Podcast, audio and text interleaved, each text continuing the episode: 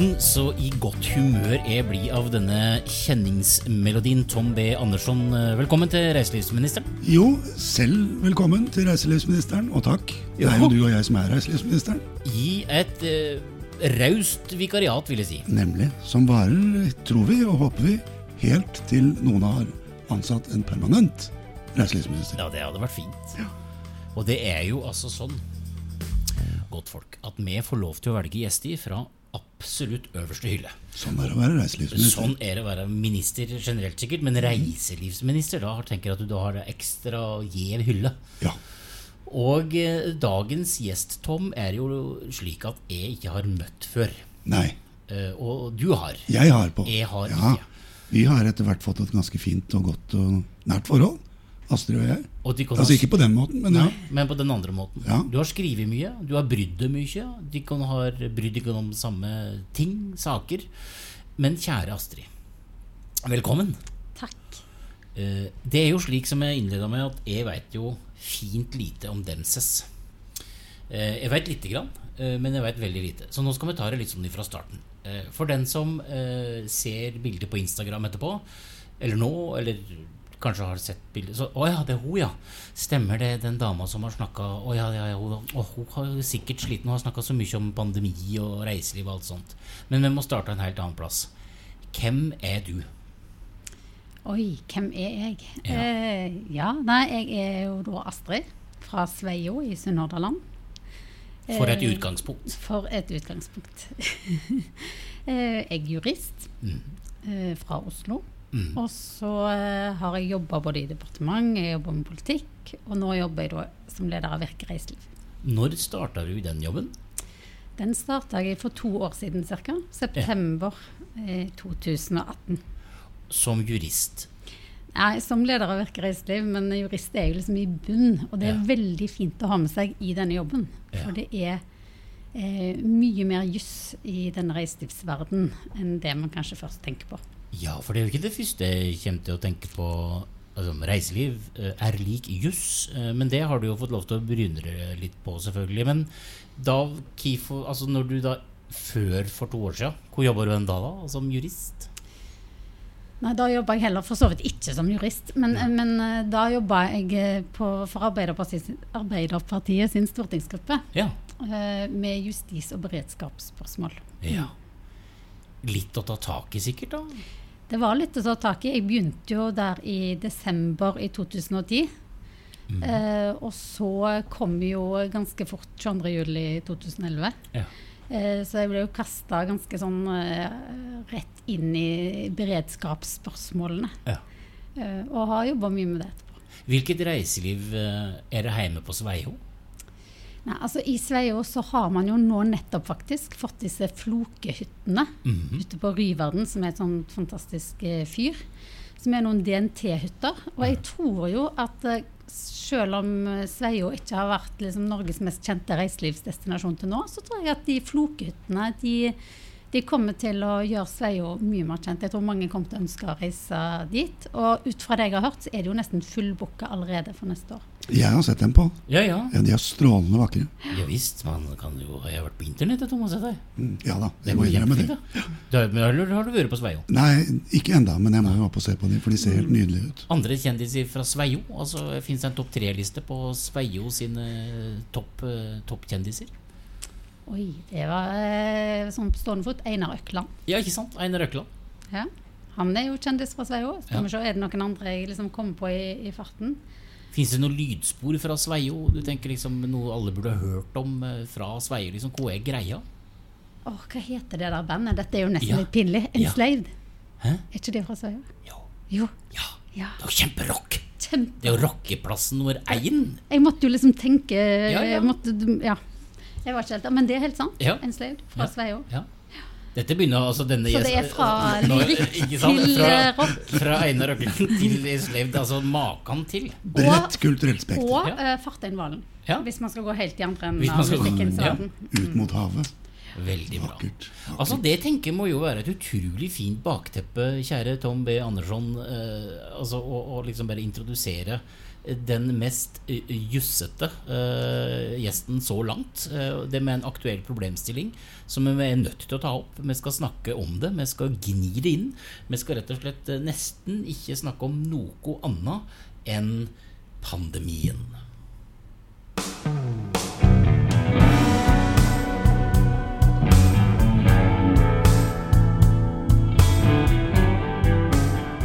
Covid-19-pandemien.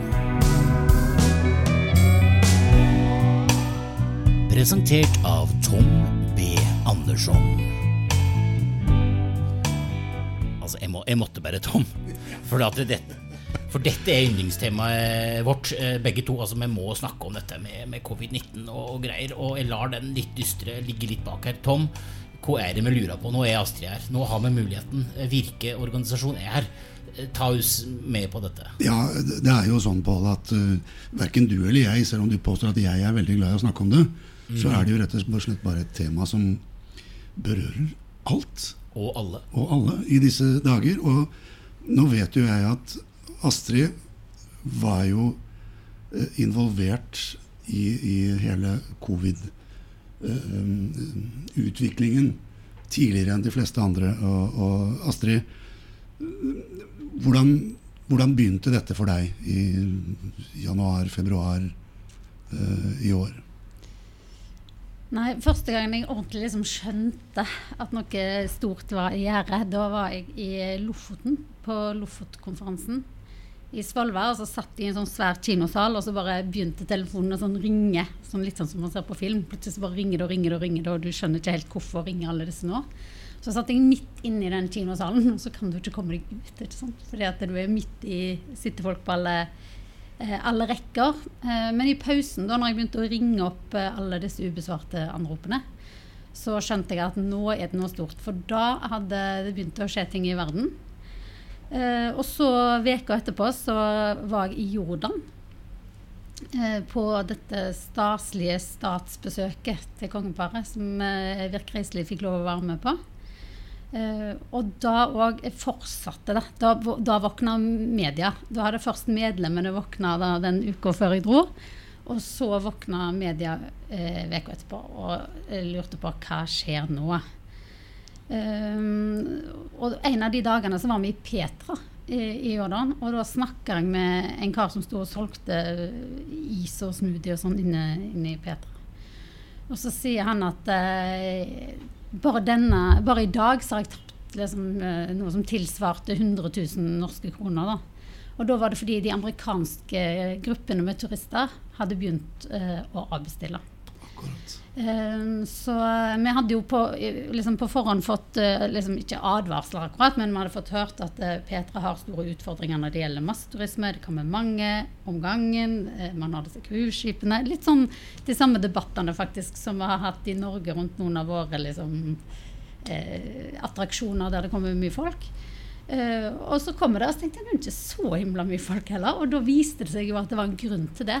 Uh, allerede da, den uh, første uka i mars, så hadde avbestillingene fra vettskremte amerikanere begynt å, å komme. Og når vi da kom hjem til Norge, så var det i gang. Og siden det så har det egentlig bare gått døgnet rundt fram til nå. Så du, du, du har rett og slett bare hatt den mest fylt, de, de tettest fylte arbeidsdagene i ditt liv siden februar-mars? Ja. Eh, det, det var jo òg noen ganske sånne heftige dager, altså lange dager da etter 22. juli. Men det, det var likevel på en annen måte. Og, eh, og da var det jo noe som hadde skjedd, og så skulle man håndtere i ettertid, og man skulle finne ut av. Mens nå er det eh, Det kan jo ikke sammenlignes, sammenlignes for øvrig, men, men nå, når jeg har hatt lange arbeidsdager nå, så er det en vanvittig intensitet i det. Um, og det er jo fordi eh, reiselivsvirksomheter i hele landet eh, står i en vanvittig krise. Og det, det er ikke bare liksom jobben det handler om, det handler kanskje om livsverket deres og om, eh, og om eh, folk sine jobber de ansatte i virksomheten òg, som Ja. de er veldig bekymra over.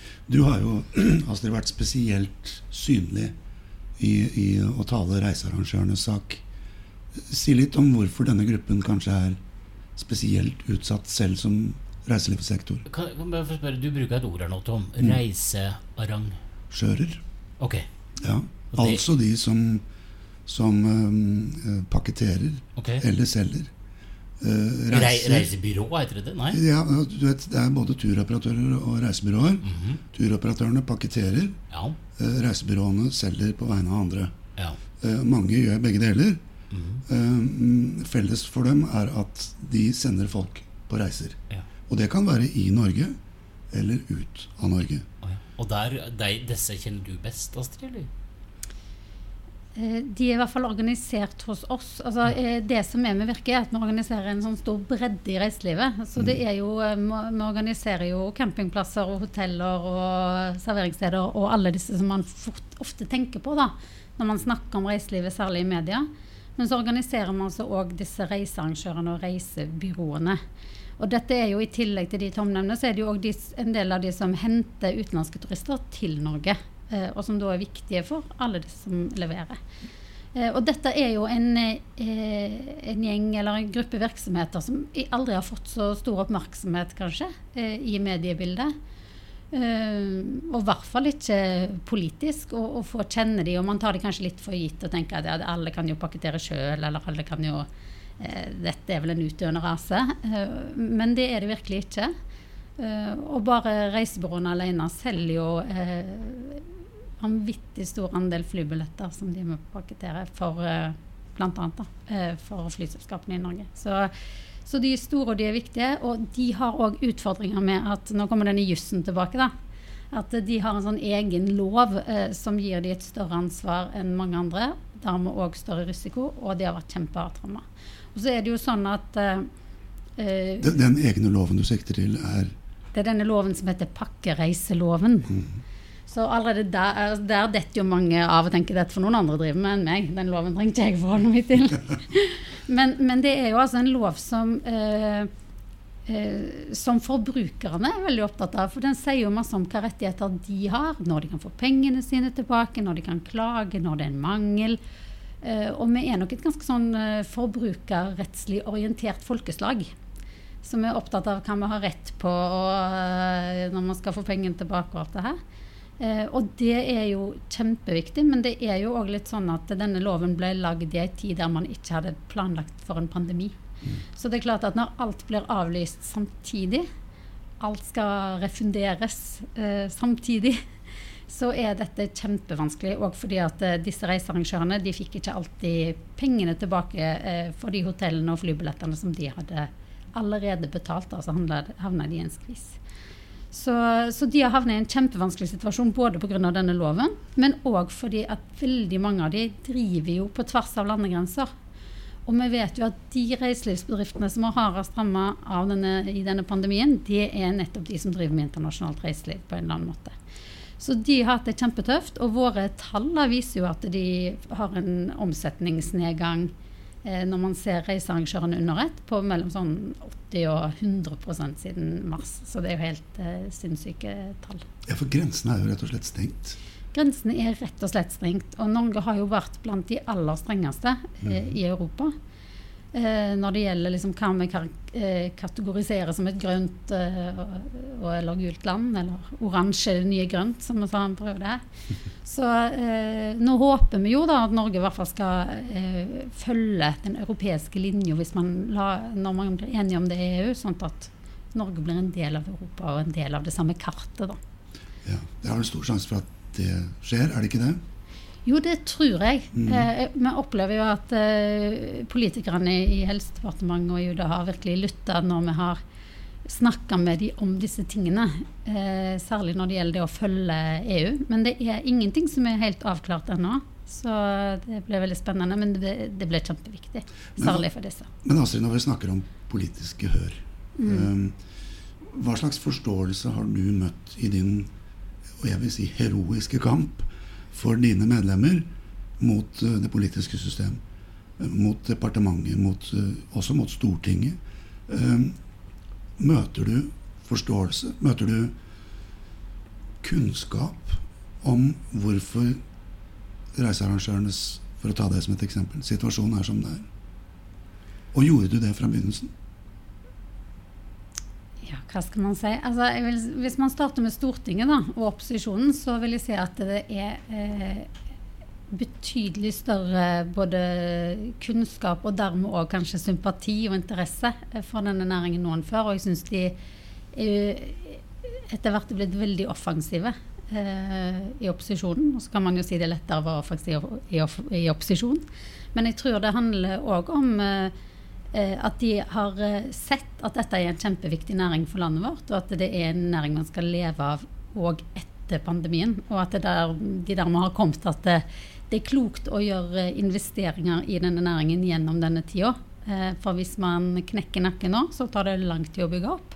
Mens hvis man investerer litt i å få det gjennom, så eh, er vi kanskje klare til å tjene penger og få flere folk inn i disse jobbene etterpå. Men, ja, men i, eh, når det gjelder eh, i regjeringa, da, som kanskje har vært det viktigste tross alt, siden det er de som bestemmer, så, eh, så, har vi kanskje ikke fått den samme anerkjennelsen. Vi opplever at vi, de, de har lytta og de har kommet med viktige tiltak i 2020. Men vi har, jeg føler det har vært en sliteseier, som det heter. Heter ikke det i idretten? Der de virkelig har liksom jobba for hver eneste krone. Eh, så det har ikke kommet eh, av seg sjøl der. Og der har vi jo også, det har vært viktig med denne drahjelpen som vi har fått fra Stortinget og opposisjonen. Der de har liksom krevd. Det har vel vært et par, til, unnskyld, Paul, et par tilfeller hvor Stortinget rett og slett har gått inn og omgjort på regjeringens forslag? Ja, jeg er glad vi har hatt et storting som har uh, hatt lyst til å forbedre disse pakkene. For Hvis ikke hadde det nok stått dårligere til enn uh, en det de gjør. Mm. Og jeg tror uh, det er noen som har utfordra oss på at ja, dere sa at det kom til å komme konkurser, hvor er de? Men det er nok noe med at disse pakkene har jo faktisk funka for mange av de, fordi de har, har gitt liksom akkurat den livsviktige hjelpen til å, å komme gjennom disse månedene.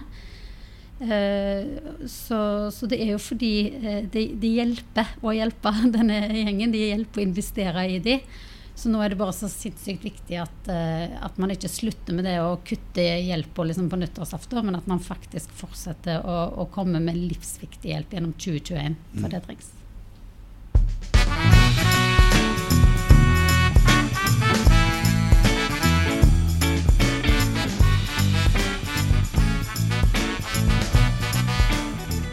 Lurer på et par ting, Astrid. Um, du, altså, vi er jo ikke så opptatt av name-droppet, Tom. Det er vi jo ikke. Nei, vi er ikke det. Men altså, reisearrangør da, Jeg tenker plutselig på, på TUI og, og, og, og, Ving og sånne svære altså, vi, Hvem er disse menneskene? For at du er jo her, altså, du har mange medlemmer, du har masse forskjellige medlemmer, det skjønner jeg. Men eh, en reisearrangør, da, som, som Tom in, in, introduserte her i stad for hvem er en reisearrangør viktig? I, ute der i norsk reiseliv. Du nevnte fly, at de kjøpte mye flybilletter. Eh, men de kjøper de noe annet? Altså driver de med noe annet? Det er jo sånn som du sier at reisearrangører, Da tenker man ofte på disse Ving og Tui og Apollo, og det er absolutt reisearrangører. De sender jo eh, nordmenn på tur i eh, tusenvis, hundretusenvis i året. Og, og, er nok viktig for mange folk som skal på ferie. Og så er det jo disse som vi kaller for incoming-aktører, som også er reisearrangører. Og det er de som henter utenlandske turister til Norge. Og de er veldig ukjente for oss, fordi vi nordmenn bruker jo ikke uten, altså vi reiser jo ikke, reiser jo ikke inn til eget land, naturlig nok. Eh, men de er kjempeviktige. Altså en fjerdedel av alle eh, utenlandske turister som kommer til Norge i løpet av sommeren, en vanlig sommer, eh, de kommer med en reisearrangør. Og det er klart at når disse turoperatørene og incoming-agentene, som vi kaller det, eh, liksom hvis de knekker nakken, da, mm. så kommer det til å ha masse å si for norske hoteller, for mm. opplevelsesaktører, for de som selger turer ute i krinker og kroker i Norge. For det er nok ikke sånn at eh, en amerikaner f.eks. eller en tysker nødvendigvis finner veien til disse små, flotte distriktshotellene våre eller opplevelsesaktørene på egen hånd. Så de er kjempeviktige for dem. Og det er jo en kvalitetsbygger, er det ikke det? Altså En, en incoming-operatør sikrer jo kvalitet, eh, plukker ut ofte eh, Absolutt. gode ting. Absolutt, det gjør de. Eh, så det er, jo, det er, jo, en annen grunn til at man altså Det er jo en av grunnene til at man velger å reise på den måten når man kommer til et land som, som Norge. Men de er jo òg gode til å vise fram disse virksomhetene som er ja, som, som, har høy kvalitet, som, mm. uh, som uh, kanskje ellers hadde vært vanskelig å, finne. Da. Men, men, men jeg er ikke for, for, vanskelig å finne, men hvem, hvem er de? Kan, kan, kan, du, Tør du å komme med et par eksempler? Altså, det er liksom ikke Ving og ikke Tue. Sånn, men, men hva heter disse her, da? Nei, det, kan jo, det er jo mange, men det kan jo være eh, Norrøne og Hvitserk er jo en sånn aktør. Og så ja, har vi noe som heter Up Norway ja, som en sånn aktør. For da har vi noen knagger å henge på. Hvitserk eh, sendte jo fryktelig mye mennesker eh, til Afrika og Sør-Amerika og overalt ellers. Og så kom norrøna på banen, og så ble det norrøn og hvitserk. Og vips, så begynte de å jobbe veldig mye mer innover. Timingen var vel kanskje grei. Men de reiser jo rundt i Norge. Toppturer, Gjørundfjorden, Tromsø, Lyngsalpene. De produserer jo masse turer i Norge. Og mm. Og så Har du noe tall på hvor effekten av eksempelvis eh, Up Norway og norrøn og hvitserk altså det, det er jo svære ting. Ja, nå har jeg ikke tallet sånn under eh, huden i, klart podkasten, men det er klart at dette er store uh, Altså viktige aktører mm. for, for, å få gjester dit. Og jeg tror jo kanskje òg at Eller og håper i hvert fall da, at i 2021 så kommer kanskje òg nordmenn til å oppdage at disse fins, mm. og kjøpe reiser av dem. For jeg tror det er litt sånn fort gjort at vi tenker at ja, men reise i eget land, det kan vi. Norge kan vi. Men klart, mm. hvis du aldri har vært i Nord-Norge, eh, slenger tre mm. unger i baksetet og kjører, så er det ikke sånn automatikk i at du bare kommer til å oppleve kvalitet og gode opplevelser. Det kan hende at hvis man reise med disse da, som tilbyr kvalitet, som vet hva de driver med, og som mm. kjenner de beste aktørene, så blir opplevelsen bedre. Så jeg tror det er mange som har mye å hente på det. Kan ikke du notere Tom, på, på notepaden din at vi skal invitere Torunn Tronsvang i, i, Up Norway? Og ta, ta, denne litt grundige praten på sånn incoming tour operate Altså, hva er det for noe? For det skylder vi jo faktisk eh, folk å forklare. Det syns jeg dere skal gjøre. Er notert. Men du, jeg, jeg har bare lyst til å skyte inn en ting eh, når vi snakker om turisme i Norge og aktører i turistindustrien, så er det jo en ring utenfor de rene turistbedriftene som også vil bli berørt. Mm. Uh, nemlig det lokale ysteriet, uh, det lokale mikrobryggeriet. Mm. Uh, den lille gården som, som driver økologisk, og som har en historie å fortelle. Så det er på en måte, Og det er jo kolonialbutikken i Geiranger. Det er liksom så ringen rundt er så stor. Og tror du, Astrid, at øh, regjeringen, når den, når den sitter og tenker på tiltak, hvilke enorme virkninger det får at det ikke lenger er liv i, i de lokale bedriftene, altså reiselivsbedriftene. For det angår jo så mye flere. Mm. Finner du forståelse for helheten i reiselivet? Jeg tror på ingen måte at de tar det inn over seg. Nei. Jeg tror de liksom leser det og ser at ja, det står her, og vi skjønner det her. Sånn. Men jeg tror ikke de tar det inn. Det er i hvert fall mitt inntrykk. Uh, og, og, det er helt rett som du sier. Altså, reiseliv er ekstremt viktig for mange lokalsamfunn i hele landet. Uh, jeg var nå i august i, eh, i Lofoten på besøk, og i Leknes da, f.eks så, så, kunne, så, kunne, ordføreren fortelle meg at i juli måned, som tross alt hadde vært sånn ganske ok der, selv om sommeren var kort, så var, var den i hvert fall en fin juli, så var Rema-butikken i Leknes det var den butikken som hadde omsatt for mest av alle Rema-butikkene i hele landet. Mm. Eh, og det sier jo noe om eh, hvor viktig, altså hvor mye penger som legges igjen som man kanskje ikke tenker over, for det er jo liksom en dagligvarebutikk. Eh, og, det sier jo også noe om Dette er jo de samme folka som besøker ysteriene, og som uh, besøker fisketurismebedriften uh, og, disse. Så det er kjempeviktig for disse lokalsamfunnene. Og den samme ordføreren kunne jo òg fortelle meg at uh, dette var et sted som har hatt tilflytning pga. turismen. Som har fått flere butikker, flere opplevelsesbedrifter, kafeer, den type ting. Nettopp fordi man har turisme. Eh, og jeg tror ikke man tar inn over seg politisk, i hvert fall eh, i regjeringa, eh, hva konsekvenser det vil få for disse lokalsamfunnene hvis eh, reiselivet knekker nakken og bruker lang lang tid på å bygge seg opp igjen. For det er mange som har flytta til, og det er ikke sikkert de velger å bli eh, hvis arbeidsplassene forsvinner. Det er ikke bare å omstille seg eh, på mindre steder. hører du på? Dette er en dame som kjenner korridorene. Hun er inne og snakker med folk nesten daglig, som vi ikke snakker med så mye. Vi, vi betrakter hele det mer fra utsiden på mange måter. Snakk for dem selv. Mm, Å ja, du føler at du er Ja. Ja, du er jo reiselivsminister. Det er klart du vandrer Ja, for jeg tenker jo at reiselivsministeren gjør jo det. Ja, det er- men, det- men det er ikke deilig å høre noe Vet du hva, annet. det glemte jeg et lite øyeblikk. Ja, du, trent, du tenkte Ja. at som vanlig journalist, du, du er ikke det, vet du. det- nei, er Men du er reiselivsministeren. Ja. Men Men du, siden vi nå en gang har en person her Mm. som trår like minst like mye i korridorene som oss Ja. Hva, har, hva har blitt håndtert feil fra myndighetenes side? Og da mener jeg regjeringen. Departementene. Altså Først må man jo alltid gi denne skryten for det gode som har skjedd. For det er, aldri, det er jo aldri, det er aldri svart-hvitt. Og de har jo gjort mye bra. Altså Denne Mm. kontantstøtteordningen som kom, eh, den var jo langt fra perfekt, men den har hjulpet utrolig mange. Mm. Og det har redda virksomheter. Eh, og det er en av flere tiltak som har funka. Det har kommet en omstillingsordning nå som er kjempeviktig. Eh, så, så det er ikke sånn at eh, de har ikke gjort noen ting riktig. Men, men det som jeg kanskje eh, syns har vært eh, mest skuffende, at det er så lite proaktivt.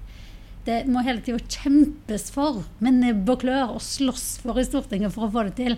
Jeg skulle jo ønske meg en regjering som sa liksom Sånn som Erna Solberg sa i mars allerede. Sa sånn Vi skal stå her ved siden av dere, og dette skal vi liksom fikse sammen. Eh, og så virker det som etterpå at hun tenkte å pokker, det var ikke akkurat det jeg tenkte. Jeg tenkte liksom at dette skulle gå over ganske kjapt, og at jeg ikke skulle måtte stå så himla lenge sammen med dere som nå. Mm. Dette ble fryktelig lenge, liksom. Nå er det ikke noe krise og ny normal, sa plutselig Iselin Nybø. Og liksom det ble en helt annen måte å snakke eh, om det på, og så måtte man liksom slåss mye mer. Eh, og det syns jeg har vært skuffende, at man ikke istedenfor å være så bakpå, heller sier sånn OK, nå skal denne kompensasjonsordningen som vi har laga, som var fin og flott, avsluttes i august. Da må vi kanskje sette oss ned i juni og forberede den nye. Ikke vente til september og si sånn Oi, shit, den uh, gikk ut, ja. Nå, nå setter vi oss ned. Og så bruker vi en måned på det. Og så en gang i november skal vi legge den fram for Stortinget, og så skal vi kanskje vedta den en gang. Og i januar så kan de som har holdt ut, få den engangsbetalingen, liksom. For et av mange spøkelser Astrid, er jo fraværet av forutsigbarhet. Det er akkurat det. Og, man, det. og det henger jo sammen. For når man er lite proaktiv, istedenfor å si sånn OK, hvordan kan vi fikse det her? Så er det litt sånn hele tiden å spørre ja, hvor ille er det egentlig? Er det ille nok? Er det ille nok? Det er det ille nok? Ja, det er ille nok. Dere skal få hjelp. Så, så tenker jeg at det å bare eh, Nå er vi jo et sted der det er helt sånn åpenbart for alle at det er krise. Og da skulle jeg ønske meg at man bare sa OK, nå er situasjonen vanskelig. Kommer til å være vanskelig gjennom 2021. Vi skal stå her by your side og få dere gjennom det. Det er kanskje føles lenge nå, men i det lange løp så kommer dette til å være en investering som lønner seg, så det skal vi gjøre. Dere kan bare omstille dere, gjøre deres greier, så skal vi sørge for tryggheten. Det er det ganske mye.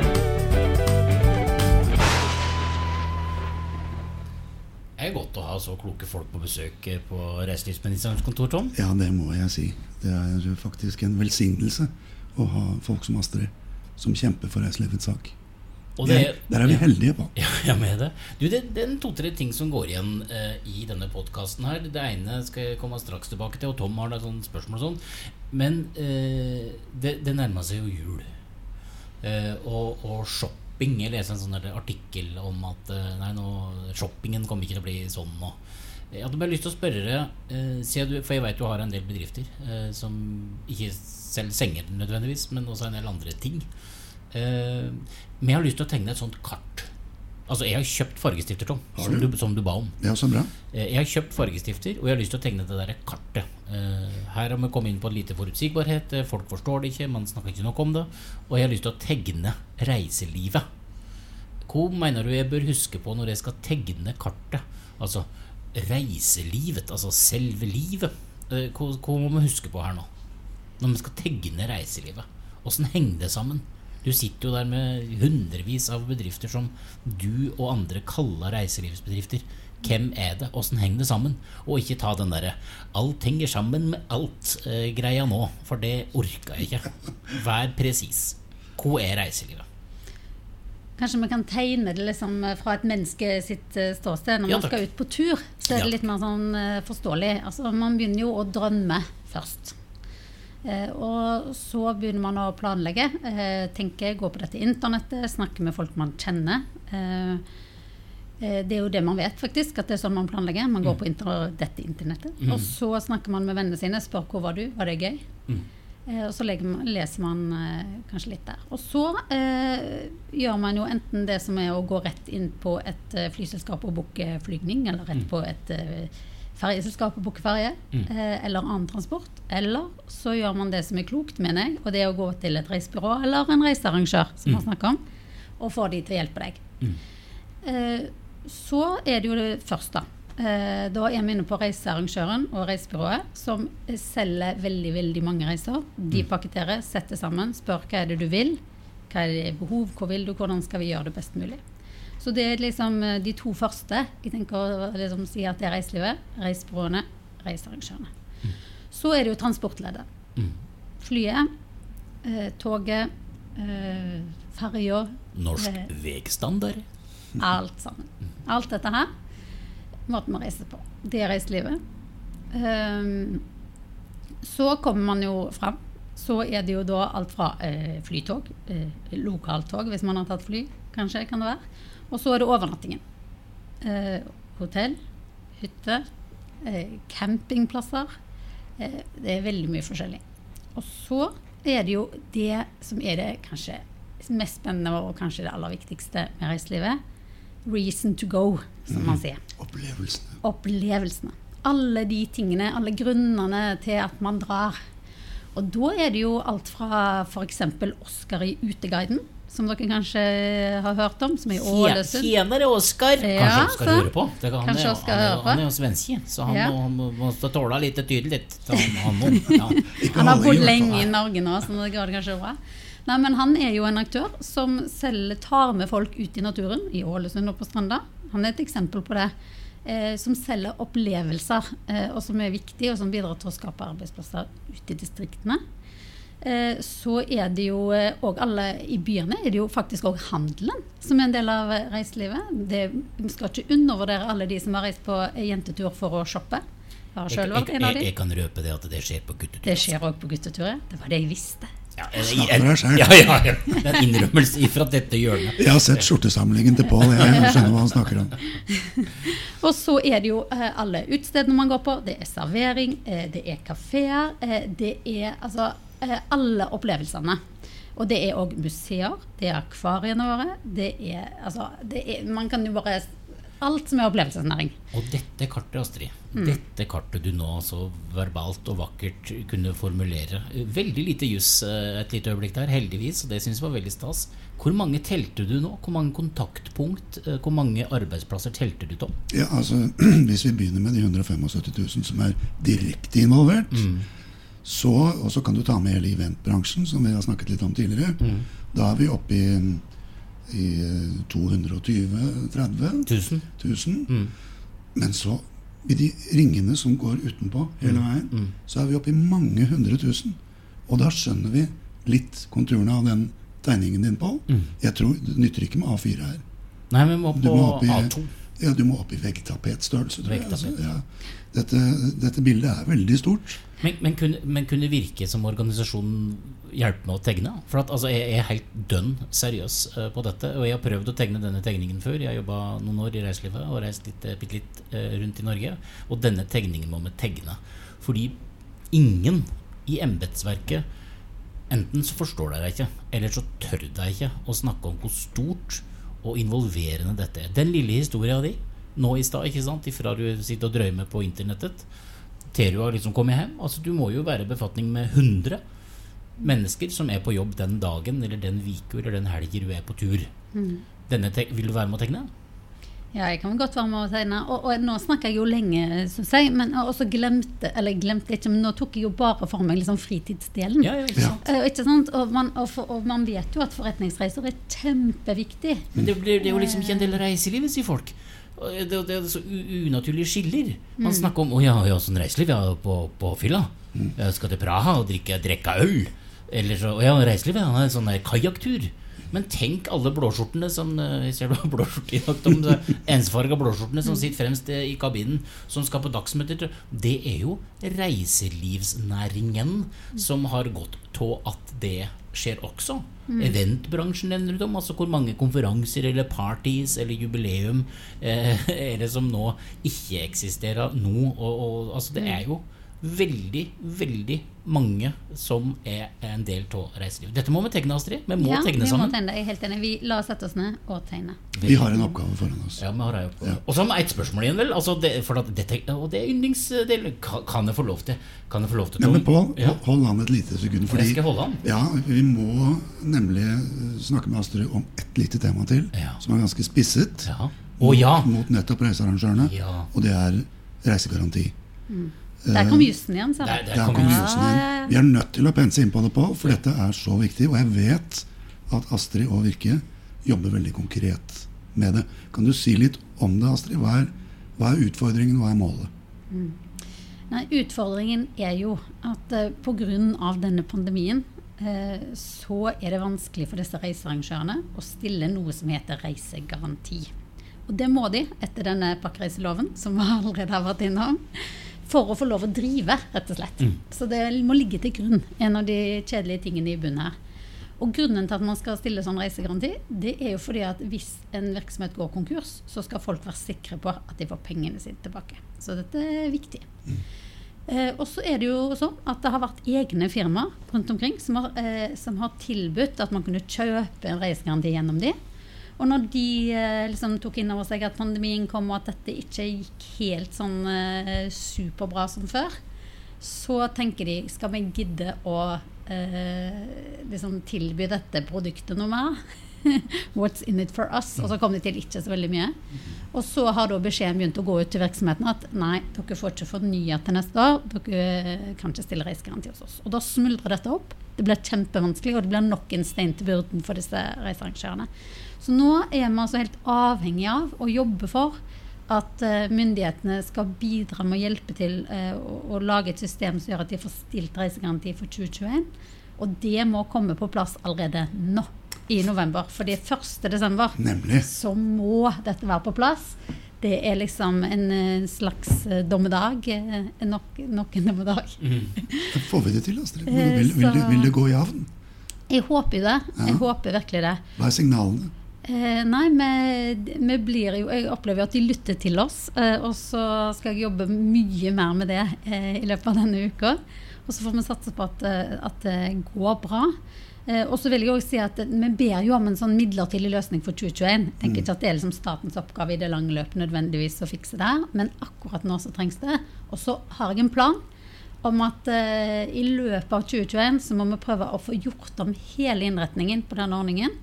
Eh, jeg har rett og slett tenkt å prøve å få endra det systemet, sånn at det ikke binder opp kapital, og sånn at man har en helt ny ordning når man kommer til 1.12.2022. Og det håper jeg å få med meg politikerne på. Salte på. altså Reiselivsministeren stiller seg bak dette, eller? Ja, noe så 100% Og som en gang. Er du gæren? Du har ministerens fulle støtte. Absolutt, Astrid. Det er veldig veldig godt Det, å det, det er greit å begynne der, og så får vi se hvordan det går med de andre ministrene. tenker For du skal jo litt, det, skal, det skal litt til å få inn dette. Ja, men altså, det, Hvis lovene er for dårlige, hvis systemene er for dårlige, så må man endre dem. Og hvis ikke det er utgangspunktet til enhver politiker, så skjønner jeg ikke hvorfor man er politiker. Så for- dette bør gå Og an å for de som ikke ser Astrid nå fra Virke, så hadde hun strenge blikket på. Altså, nå, det, dette blikket, det satt i kassa. Altså bruttkassa. Det gjorde det. Vi følte oss nesten skyldige Ja, det var litt sånn, Unnskyld, jeg har vært reiselivsminister bare i fire-fem uker, så jeg kan ikke alt ennå. Men, men den satt. Men apropos reiselivsminister Tom. Vi utfordrer alle våre gjester i reiselivsministerens eh, lille podkast her på ett punkt. Og der er det der Altså, vi Ja. må jo utfordre Astrid òg. Vi må det. Og, og det er jo sånn, Astrid, at uh, Pål og jeg, vi er jo bare vikarer. Vi har ikke noen planer om å bli sittende permanent i stillingen. Eh, men tenk deg at du blir reiselivsminister, og så får du helt frie tøyler. Absolutt alle midler til din disposisjon. Det er du som bestemmer. Hva ville du gjøre for reiselivet? Først, altså det første. Det første du ville gjøre. Oi. Nå, i en, nå er vi må kanskje se utenfor korona. Det må være en koronasituasjon, ikke sant? Ja, for du blir, du blir ja. nå. Altså blir det nå, ja. Du går ut døra, og så. Vi planlegger den overgangen så fort som mulig. ja. Ok. Eh, fem ting. Mm. Ok. Eh, først så vil jeg Hør på, fem ting. Ja. Dette er en disiplin. Jeg noterer. Jeg noterer. Ja. Eh, første tingen eh, ville sagt med en gang at denne kompensasjonsordningen som eh, man nå har laga, og som man etter hvert skal vedta i Stortinget, den må videreføres eh, gjennom 2021. Sånn at alle får trygghet og forutsigbarhet på at den ligger der. Så de kan bare jobbe det de kan for å holde seg eh, på beina.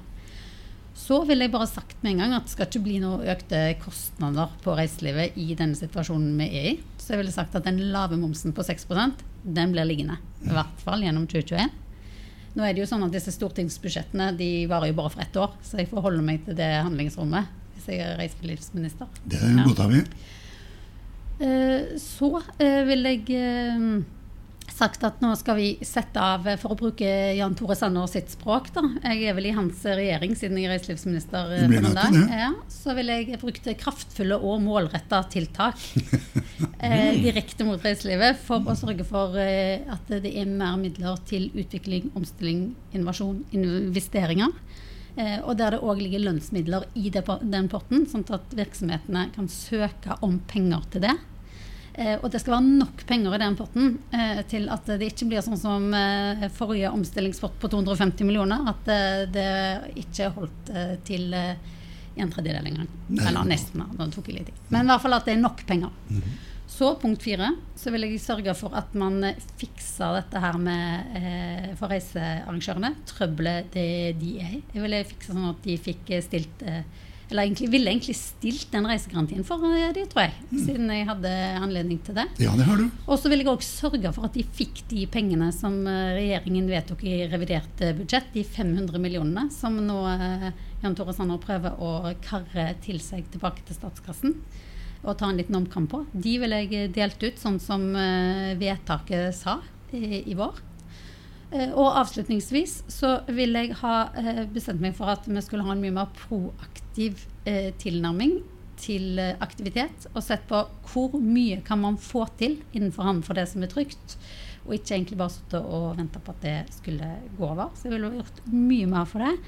Mer testing, mindre karantene. Så ville jeg bare ringt til Brussel og sagt vi blir med på de europeiske standardene for eh, hva som er et grønt, gult og rødt land. Fantastisk. Pål, noterte du? Jeg har notert altså så tommelen eh, svei, som det heter. Og jeg glemte noe på, Ja, ja, ja. På siste punkt fem. Kom det er igjen. òg inne under Kom punkt fem. Ja, og det at jeg ville òg gitt regionale vurderinger i Europa. Og så ville jeg gitt eh, egne grønt, gult og rødt vurderinger for alle land i hele verden. Fantastisk. Det ikke, Det, er det var ikke, min eh, tidagersplan. altså det, det, det er ikke vanskelig å være reiselivsminister, Tom. Nei, det er jo bare man, altså, For ei dame, sier jeg, altså. Og, Ja. og jeg må jo si at uh, Virke og hele Reiselivs-Norge er pinadø heldige som har en kraft som deg, Astrid. Uh, og dette mener jeg fra bunnen av mitt hjerte, som kjemper deres sak. Takk skal du ha. Og tusen takk for besøket, Astrid. Tusen takk for at jeg fikk komme. og Helsemtes Veio. Nå skulle vi selvsagt hatt et eh, Økland-dikt eh, på nynorsk feiende feien over eteren, men det får vi ikke. Men, Økland var ikke han fotballspiller? Har jeg gått glipp av noe? Nei, altså, for å si det sånn eh, Det blir ikke dikt uansett. Eh, verken fra fotballspillere eller noen andre. Men Tom, eh, vi er ferdig med, med denne episoden. Ja. Eh, Syns du det har gått greit? Jeg synes, altså Vi har jo hatt verdens beste gjest, så selvfølgelig har det gått greit.